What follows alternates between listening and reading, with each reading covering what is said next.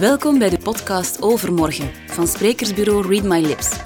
Tijdens deze podcast filosoferen we over hoe de wereld er na morgen zal uitzien en dat voor verschillende sectoren en vanuit meerdere invalshoeken.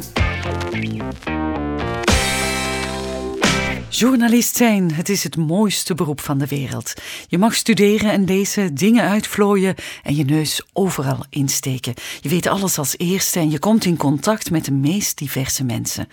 Maar de journalist, bestaat die nog wel?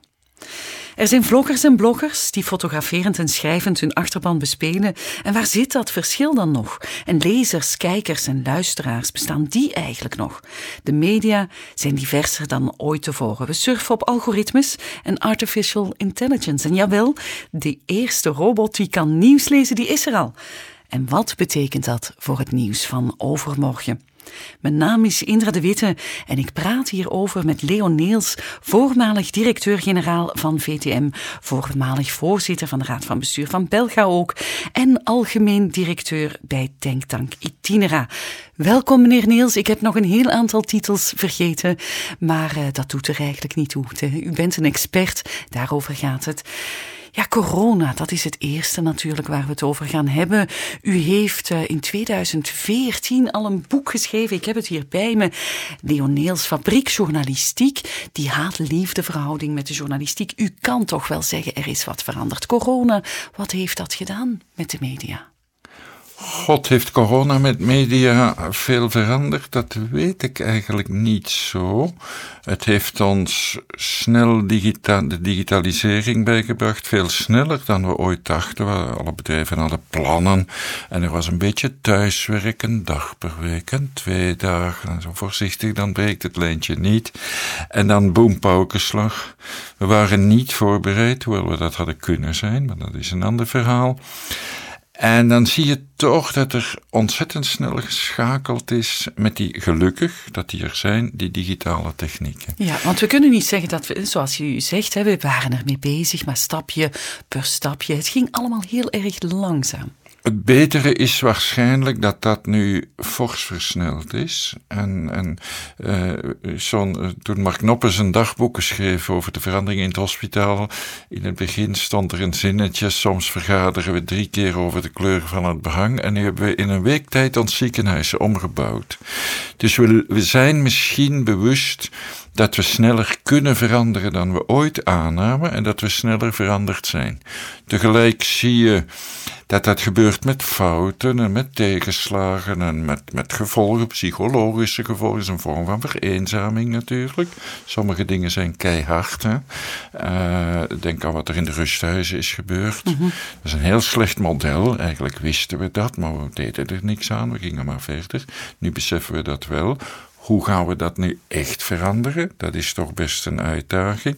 Methodes, werkmethodes, tot mijn groot genoegen.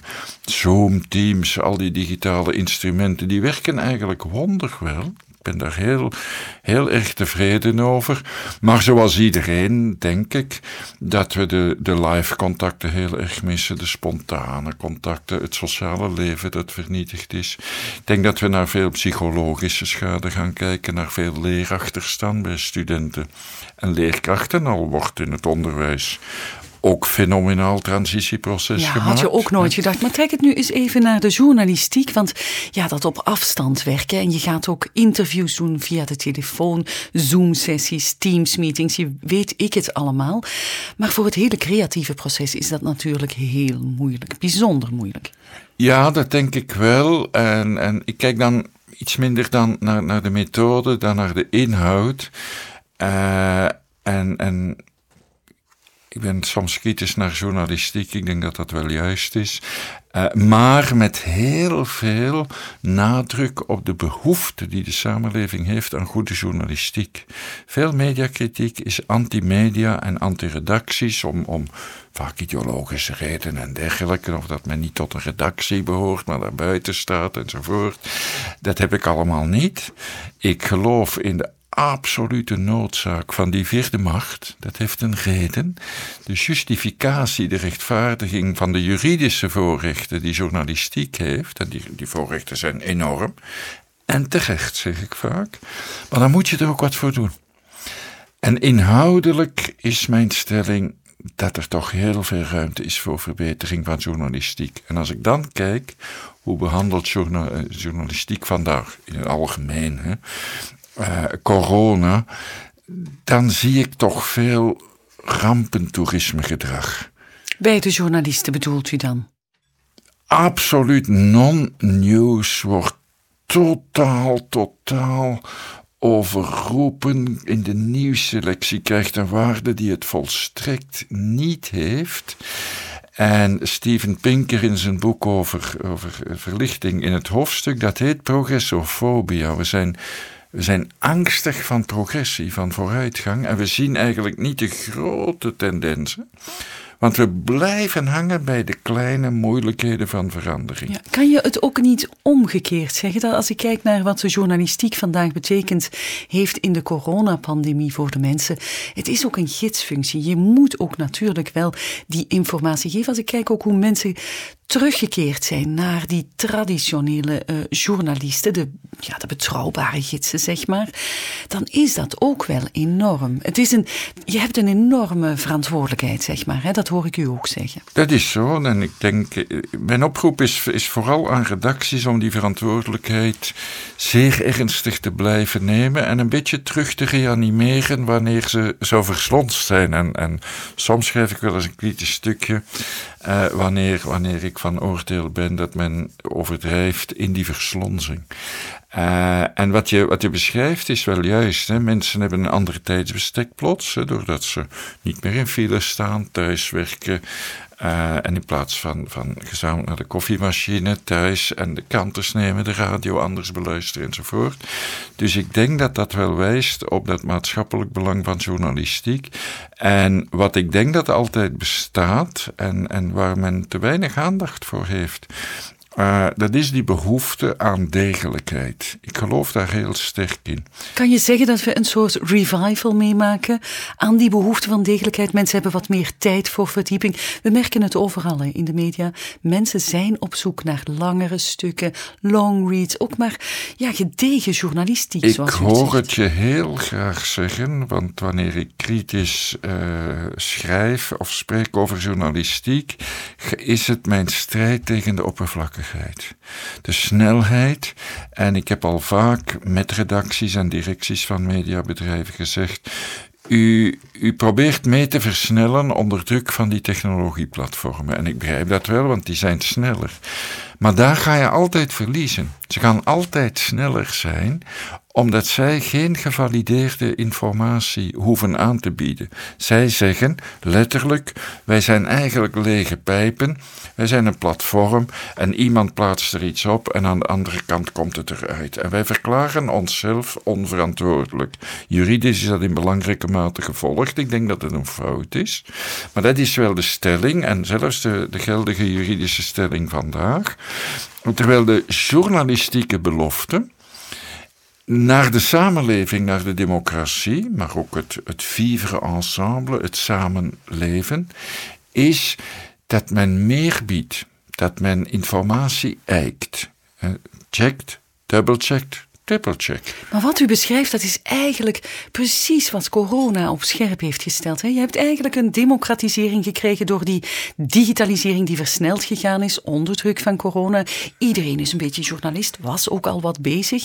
Maar mensen keren terug van wie kan ik nu nog vertrouwen? Dus is dat eigenlijk ook de toekomst van de journalistiek morgen? Betrouwbaar zijn? Hamer er nog eens op. Ik, ik heb het mijn hele loopbaan gezegd, van het eerste college mediarecht dat ik ooit gaf tot 1980, van vandaag en zolang ik kan.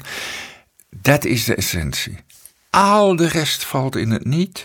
Bij betrouwbaarheid en op langere termijn is dat de levenslijn voor journalistiek. En alles van sociale platformen enzovoort komt er allemaal bij. Tien jaar geleden vroeg een, een van de, de media-eigenaars in het land, er waren toen nog wat meer dan vandaag, uh, en die zei mij, wanneer, Leo, denk jij nu dat we volledig digitaal zullen zijn? Een man is een beetje jonger dan ik en ik zei, wij gaan dat niet meemaken. U gaat voor een lange tijd aan twee dure technieken vastzitten. De klassieke print, de, de distributie met alle problemen van dien en het digitale. En het zijn twee heel dure productievormen. En het is misschien jammer, maar in uw loopbaan gaat dat zo blijven. Misschien is dat ook niet erg. Het zorgt ook natuurlijk voor verschillende manieren om je publiek te bereiken. Hè? Je, je, je kijkt er toch wel voor uit om alleen digitaal te gaan in een wereld waar toch nog best veel mensen ook op papier lezen, ook de radio gewoon nog beluisteren, nog echt lineair tv kijken. Het gaat achteruit, dat zeg ik niet. Maar het bestaat wel nog. Ja, ik, ik, ik zie dat, dat veel en, die digimeters tonen dat de uptake van de schermen en de multiple schermen in het gezin, we zien dat ook bij kinderen en kleinkinderen, een beetje bij onszelf. Uh, ik, ben, ik ben een, geen nostalgicus, maar een absolute aanhanger van de papieren krant. Dat je op een andere wijze het nieuws bekijkt. Hoe heeft men het gerangschikt? Wat krijgt prioriteit? Je krijgt een overzicht. Et cetera. Je hebt meer overzicht en je kan aan verschillende ritmes door de krant gaan in de loop van de dag. En dat vind ik bijzonder boeiend. Er liggen bij ons altijd vier kranten, elke dag. En dat, dat houdt mij eigenlijk bezig, s ochtends van bij het ontbijt en in de loop van de dag. En ik lees de laatste krant. Uh, S'avonds later, en dan is het vaak 11 uur. I don't care. Ik ben niet zo gehaast, want zonder dat. Ik ben geen radioluisteraar, omdat ik de muziek verschrikkelijk vind. Zeker op de nieuwszenders. Ik, hoor, ik luister wel eens klaar aan, maar dan heb je een heel beperkt nieuwsaanbod. Ja. Daar heel rare opvattingen voor, bij, ook bij een publieke omroep, hoe men die combinaties in elkaar schroeft, vind ik. Uh, maar dat haastwerk, ook allerlei dingen. Ik heb al die dingen op mijn telefoon afgezet. Maar u heeft dan natuurlijk een luxe positie. Want u moet eerlijk zijn in de maatschappij. Je ziet sneller, sneller, sneller. Los van corona, dat gaat opnieuw gebeuren. Hè. Mensen gaan opnieuw een versnelling hoger gaan. En je ziet, mensen zijn op zoek ook naar snackables. Waar zit dat dan ergens? Ik betwijfel dat eigenlijk. Ik betwijfel dat eigenlijk. Kan het, het ook niet naast elkaar bestaan, denk tegelijk, je? Ja, natuurlijk. Hè. Maar ik denk dat je ook in de voeding... Eh, je hebt je sterrenrestaurants en fastfood.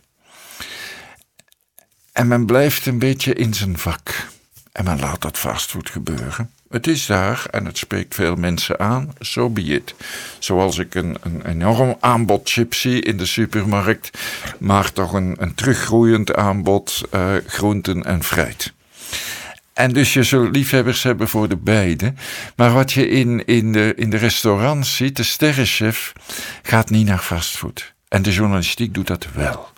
En dat vind ik, ik vind dat een fout. Ik denk echt dat het een fout is omdat je de kern van uw product en de kern van de waarde en de kern ook van de legitimatie, die vierde macht, de public watchdog of democracy. Ja, vaste rechtspraak. Zijn, ja, vaste rechtspraak. Daarop rusten al die voorrechten die, die men terecht heeft maar die men moet gebruiken voor de goede zaak. Ja, ziet u dat niet terugkomen? Je ziet, ik, ik moet Trump niet aanhalen. Hè. Dit is al helemaal grijs gedraaid. Maar je ziet toch ook wat de journalistiek heeft kunnen betekenen als tegengewicht. Dus ik heb de indruk dat er toch wel een beetje een tegengewicht. Ik, ik heb net de indruk dat er nog nooit zoveel vraag is geweest naar goede journalistiek, longreads, naar uitleg, naar context we zijn eigenlijk weer daar waar we willen zijn. Dus aan de ene kant heb je de snackables, het gebeurt zoals u zegt. Aan de andere kant zijn we naar de evolutie aan het gaan, zowel op online als in de traditionele verschijningsvormen van eh, de journalistiek.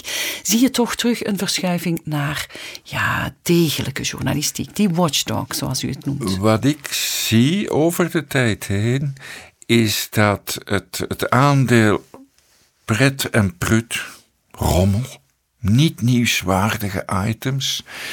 In de, in de klassieke media, media met een, een grote redactie, die geacht wordt het keurige, moeilijke, uh, verantwoordelijke journalistieke werk zorgvuldig te doen, in die media neemt het aandeel prut en pret ook toe. En ik denk dat dat niet moet. Kan het ook geen manier zijn om mensen ergens doorheen te trekken? Als journalist wil je dat zoveel mogelijk mensen jouw verhalen lezen. Je doet het ook voor iets. Hè? Je wil de wereld uitleggen, je wil dingen verklaren.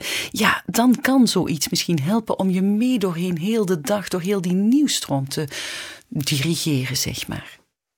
Ik ben daar niet van overtuigd. En ik, dan, dan weet ik dat ik natuurlijk een heel atypische doelgroep ben, academici. Uh, waarvan men denkt dat die een beetje met hun, hun, hoofd in de wolken leven. Maar dat is niet zo, zegt u. dat hoeft niet zo te zijn, dat bestaat. Hè. Uh, maar dat hoeft niet zo te zijn. Uh, ik geloof in de eigenwaarde van degelijke, goede journalistiek. Uh, die goed gemaakt is, dat moeten niet. Men zegt altijd: ja, maar dan is het saai en dan hebben we geen lezers en geen kijkers.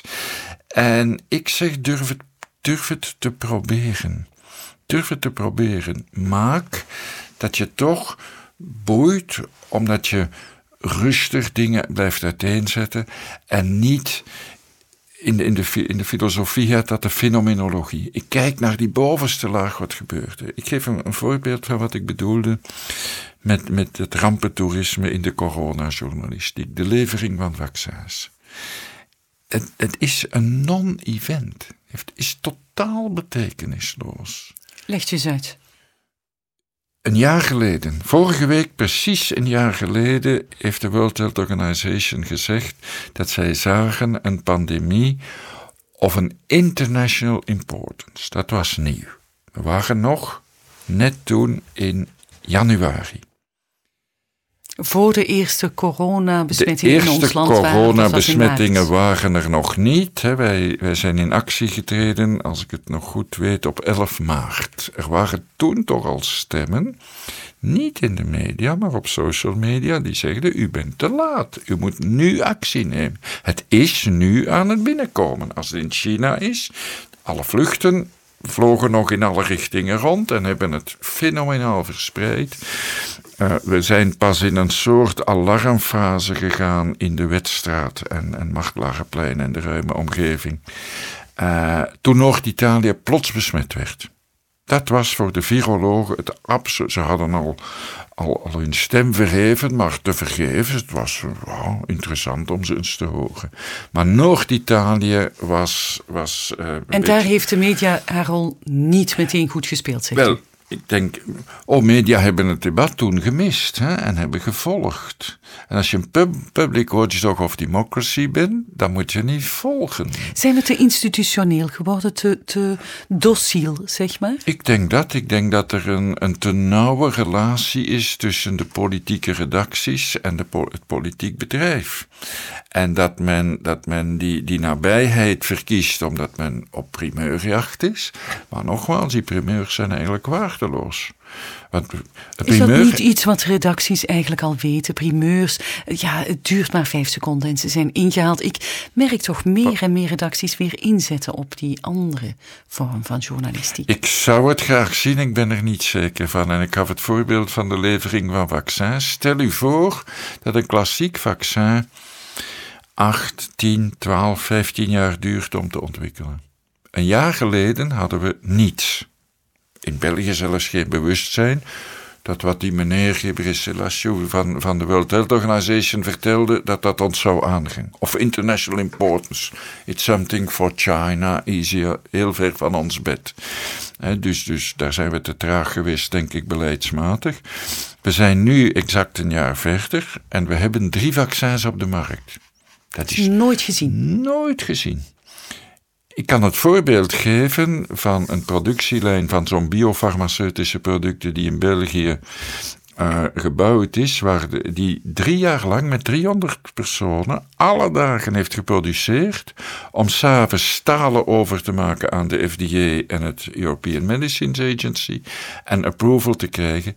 Drie jaar. S'avonds werd de productie vernietigd als chemisch afval. Verbod van het te gebruiken. Maar je ziet daar toch, daar hebben journalisten toch over bericht, zeggen ook van dit is wel een unicum. Nee, het eerste wat ze gedaan hebben is gescholden met de politiek op de farmabedrijven. En dat is onvergeeflijk. De farmabedrijven hebben een wonder verricht. Een totaal wonder. In een, in een eigenaardige volgorde, want het eerste vaccin is gemaakt door een Turks echtpaar werkzaam in Duitsland, volgens mij Nobelprijskandidaten, die nog nooit een geneesmiddel op de markt gebracht hebben, maar tien kandidaten topgeneesmiddelen in oncologie, waarvan men zeer veel verwacht. Maar het is de onderliggende technologie die hen heeft toen zeggen: wij kunnen daarmee een ja, vaccin. Je zou kunnen zeggen dat uh, journalisten op dat moment erg kritisch waren. Zeggen van: kijk, normaal gaat het niet zo snel, nu gaat het zo snel. Dat is een kritische geest voor een journalist op dat moment. Ik mis kritische journalistiek. Ik mis dat heel erg, want men, men, wat doet men? Men hijst iemand op het schild. Pfizer-BioNTech waren reclamespots in de kranten en, en de omroepen. Pure reclamespots. Eerste vaccin, applaus. En dan twee weken later is er een zeer normale, lichte hapering in de toelevering. En is er het issue van de dosissen, omdat het EMA de bijsluiter heeft aangepast. Op drie weken tijd, nooit gebeurd. Ja. Op 21 december werd de eerste bijsluiter goedgekeurd, het eerste vaccin, en de 22e waren we aan het vaccineren. In april. We waren eigenlijk te kritisch, te negatief, hoor ik u zeggen. Maar goed, laat ons eens even kijken, meneer Niels. Nee, ik vind dat niet, ik vind dat niet de juiste manier om kritisch te zijn. Dat is meegaan in die scheldpartij van politici. Die te lichtzinnig zijn geweest in de planning van hun vaccinatie. Iedereen die een beetje weet van biopharma, zou, zou gezegd hebben: wij moeten iets voorzichtiger zijn in onze aankondigingswillen. En daar is de pers totaal onkritisch in meegegaan. En dan ook in de antifarmasten. En nu langzaamaan keert men terug. En dat is niet goed. Laat dat over aan de lulkoek op de social media. Maar ver, verlaag de journalistiek daar niet toe. Ja, u heeft het over social media. Laat ons daar eens even over doorbomen. Want u ziet het natuurlijk opkomen overal ter wereld. U ziet daar ook de gevaren van in natuurlijk. Laat ons eens tien jaar in de toekomst kijken. Hoe ziet het er dan uit? Want je hoort nu al politici die groter zijn dan de lokale tv-zenders of de nationale tv-zenders. Ja, hoe ga je daarmee om? Hoe ziet dat eruit binnen tien jaar? Kijk, wij leven in een heel atypische periode. Uh, waar die grote techplatformen, Amazon, Facebook en, en, enzovoort, noem ze maar op, uh, te groot zijn. En we hebben daar eigenlijk al van de jaren 30 van de vorige eeuw heel goede middelen voor uitgevonden. Dat heet het mededingingsrecht. Uh, en dan, dan moeten autoriteiten marktfalen corrigeren. En wat hebben ze toen gedaan? Bijvoorbeeld met de banken gezegd: een investeringsbank en een spaarbank, dat gaat niet samen. Wij knippen u. Te grote oliebedrijven, te grote spoorwegbedrijven, dat gaat niet. U wordt te machtig out of control, wij knippen u. U, u wordt een te dominant bedrijf en uw actie wordt niet meer door de markt gecorrigeerd. Wat zegt u nu dat de Facebooks en zo van deze wereld wilt geknipt moeten worden? Wij hebben, wij hebben de antitrust authorities, maar die waren Making America Great Again, dus die sliepen. De Europese Commissie, Vestager, probeert dat en moet veel doortastender optreden. Je kunt niet private machten hebben in een geordende samenleving, die rechtsstaten zijn en democratieën, die zich buiten elke controle zetten van het civiele gezag. Dat legitiem is, dat rust op basis van verkiezingen. hoe ziet dat er dan binnen tien jaar uit? Want niet alles is een democratie en Facebook gaat overal naartoe. Hoe doe je dat? Hoe ziet dat eruit? Ja, het is niet omdat de resten zullen van blijven in dictaturen en er zullen altijd dictaturen zijn en halve democratieën, maar wij hebben het grote voorrecht, grote voorrecht. Sedert de 19e eeuw een democratische rechtsstaat in ontwikkeling te zijn. Amanda Gorman, de dichteres, heeft gelijk. The country is not broken, the country is unfinished. Dat is evolutief. We hadden de prachtigste grondwet van, van de wereld, 1831. De eerste keer dat we die mooie beginselen van de Franse Revolutie, liberté, égalité, fraternité, fraternité konden vertalen en nog altijd de Belgische grondwet van vandaag. De Fransen zijn daarna 1789, hebben nog 100 jaar burgeroorlogen gehad. En, en dictaturen. Dus wij hebben dat gekund. Maar, heel evolutief. Mijn moeder in mijn geboortejaar mocht niet stemmen. Dat is, dat is wrang. Toch stond de gelijkheid in de grondwet. Dus dat is evolutief. En wij moeten naar een regime waar we die te grote machtsposities van die techplatformen knippen uh, en reduceren tot bedrijven die zich ook moeten gedragen in een democratisch rechtsstatelijk ja, ziet u dat gebeuren? Ja, ziet dat u moet dat gebeuren. Gebeuren. Dat moet Biden doen. Trump kon dat niet doen. Ja, maar je zal toch maar opnieuw een Trump hebben. En kijk dan naar China. Hoe ga je het daar doen? Oh, Kijk, er zullen altijd dictaturen zijn, maar ik denk dat wij ons ervoor moeten hoeden die als model te nemen. Ze zijn geen model op ja, geen maar het enkel vlak. Ja, dat is wel. niet erg. Wat betekent dat dan? En wel, ik wil hier vechten voor wat wij hebben in de Europese context. En in de meest ooster, oostelijk gelegen lidstaten al niet meer. En dan moeten die maar niet blijven. Wij willen die absoluut houden. Dan moeten ze maar weg. Maar we hebben het natuurlijk over online. Daar kan je niet zomaar knippen. Je kan niet zomaar muren Dat is niet zetten. erg, dan zullen er dingen blijven, maar dat is mijn appel aan onze media. Blijf in uw sterkte. En uw sterkte is gevalideerde informatie. En we zijn meer nodig dan ooit. De democratie en de rechtsstaat staat onder druk binnen de Europese Unie. En kijk eens naar al onze grenzen. Al onze grenzen zijn bezet van Europa, van de 27 lidstaten, door quasi-dictaturen. De UK misschien niet, maar met een eigenaardig leiderschap. We zullen wel zien waar dat toe leidt. Maar al de rest, van Rusland over Azië, over Noord-Amerika, zijn quasi-dictaturen aan onze grenzen. Hoe Dus we u... hebben iets te verdedigen en we hebben iets, iets over te laten aan onze kinderen. En dat is die democratie, de rechtsstaat en de welvaart.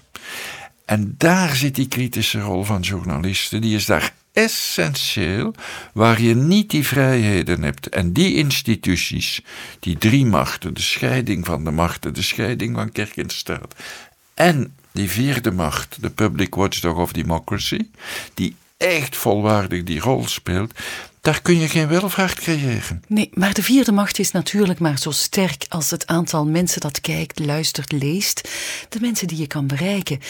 Je zal je toch maar voorstellen dat je een politicus hebt die volledig eh, tegen die vierde macht dan eh, ingaat. En die vierde macht bereikt niet, niemand meer. Wat doe je dan? Ik denk in je sterk te blijven, dat is mijn boodschap. Hoe komt dat er propagandazenders zijn kunnen ontstaan in de Verenigde Staten? Ik denk omdat er te veel media meegaand zijn geweest. En, en een soort ja, overwinningsroes in, in, in die etterbuil binnen de Republikeinse Partij zijn gaan volgen. Met de gevolgen die we kennen. De partij is geïmplodeerd. De Democratische Partij in de Verenigde Staten is ook geïmplodeerd. Hè? Als je alternatief 78 jaar is, met alle respect voor president Biden, dan heb je een probleem. Hè? Ja, in de toekomst dan toch. Hè? Goed, laten we opnieuw naar die toekomst gaan. Als uh, we het hebben over uh, de journalistiek, de media binnen tien jaar, wat bestaat er dan nog? Zijn er dan nog kranten? Is er dan nog een radio en tv? Of krijgen we zodanig gepersonaliseerd nieuws ja, dat iedereen een beetje zijn eigen krant krijgt en het overzicht gaat missen? Ik hoop van niet.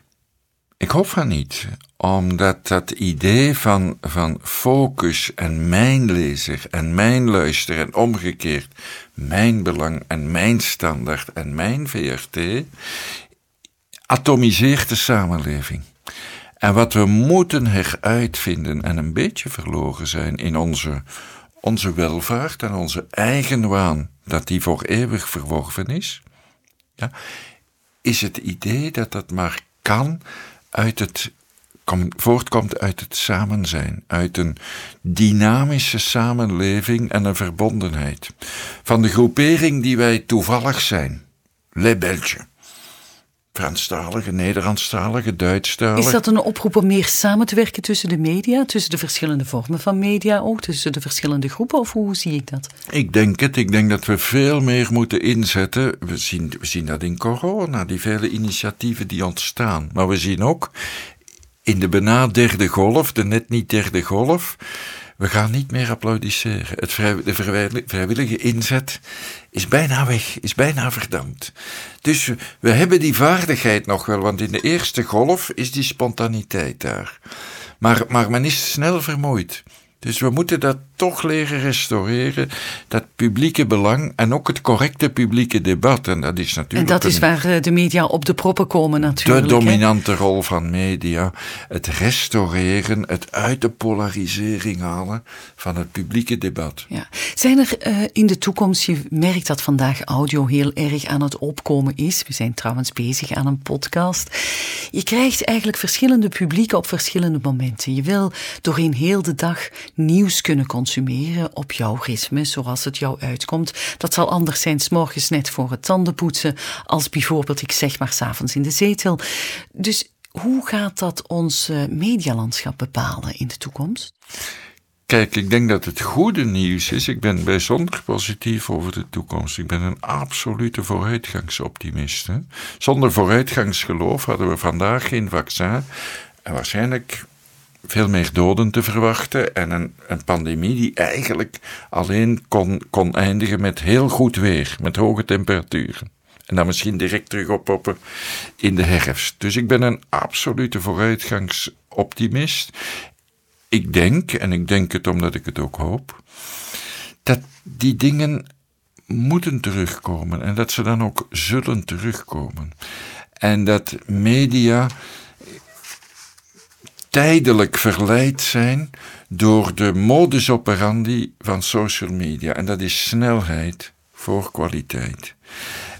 En ik geloof dat het publiek tegen kwaliteit bestand is. Zoals ik aan de politiek vaak zeg, neem nu eindelijk die beslissingen waarvan iedereen in België, die het rationeel overweegt, weet dat u ze moet nemen. Maar u durft niet, uit schrik van het verkiezingsresultaat. En uw partij gaat telkens achteruit. Ja, wat zou dan uw raad zijn voor de media hier in ons land? Wat zouden zij moeten doen volgens u om beter en sterker gewapend naar de toekomst te gaan? Ik denk zelfstandiger opereren, niet te dicht bij, bij de politieke vlam, niet, niet te, te, te veel collusie naar politiek. Niet te institutioneel, niet, niet te, te institutioneel. Uh, betrokkenheid creëren bij burgers.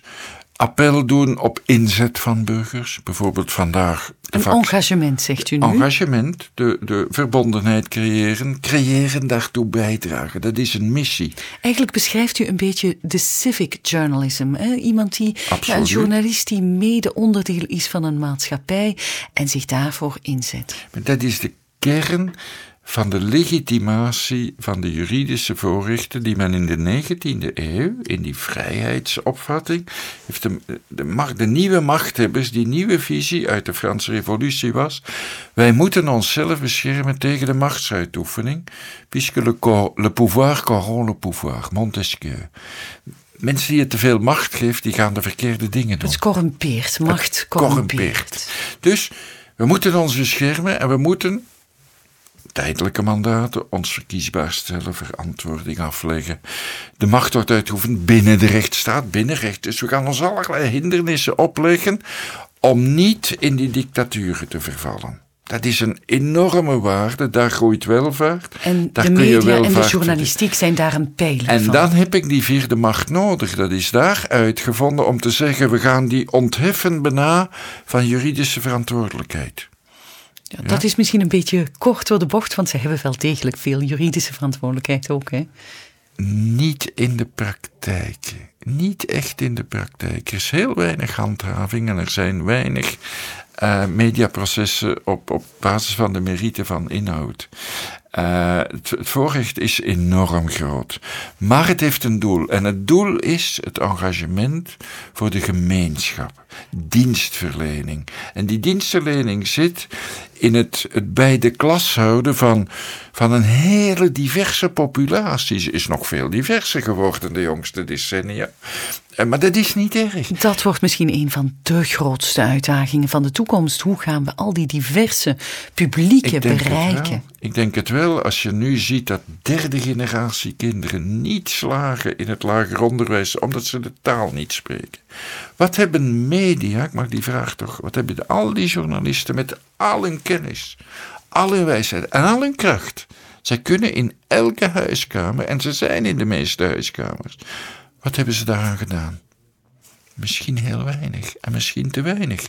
Dat zijn prangende vragen. En als we daar niet anders naar gaan kijken en dieper gaan doordringen tot de echte realiteit van een samenleving die dreigt te verdampen, het democratisch midden is een zwak midden geworden, dat was het niet.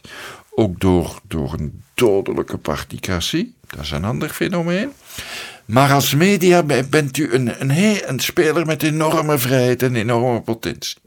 En daar, denk ik, hebt u een directe toegang tot het publiek. Dat is belangrijker dan de directe toegang tot de wedstrijd. Mhm. En ik denk dat daar het accent anders moet liggen in de nieuwsselectie, nieuwsbehandeling en de focus op de lezer.